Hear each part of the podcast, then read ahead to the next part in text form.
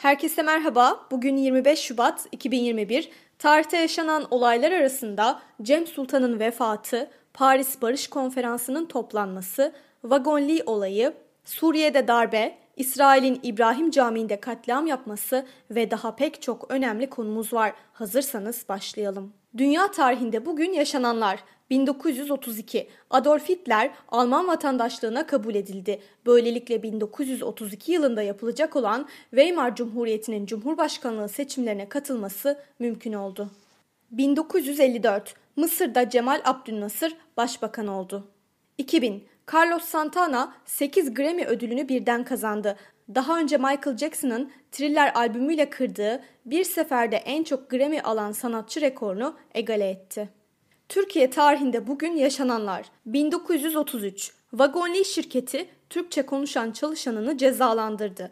İstanbul'da bulunan Fransız vagon şirket müdürünün Türkçe konuşan bir çalışanını cezalandırması üzerine çıkan olaydır. Türk şirket çalışanına Türkçe konuştuğu için 15 gün maaş kesimi ve 15 gün işten uzaklaştırma cezası verdi. Bu olayın duyulması üzerine İstanbul'da 25 Şubat 1933'te olaylar çıktı. Bu olayla birlikte vatandaş Türkçe konuş kampanyası başladı. Fransız şirketi özür diledi fakat devletleştirilmekten kurtulamadı. 2003 Irak krizi konusunda Türk Silahlı Kuvvetleri'nin yabancı ülkelere gönderilmesi ve yabancı silahlı kuvvetlerin Türkiye'de bulunması için hükümete yetki verilmesine ilişkin Başbakanlık tezkeresi Türkiye Büyük Millet Meclisi'ne sunuldu. Bugün doğanlar Türk yazar Sabahattin Ali dünyaya geldi. 1949 başarılı Türk akademisyen Sevil Atasoy doğdu. Bugün ölenler 1495 Osmanlı şehzadelerinden ve Fatih Sultan Mehmet'in oğullarından Cem Sultan vefat etti.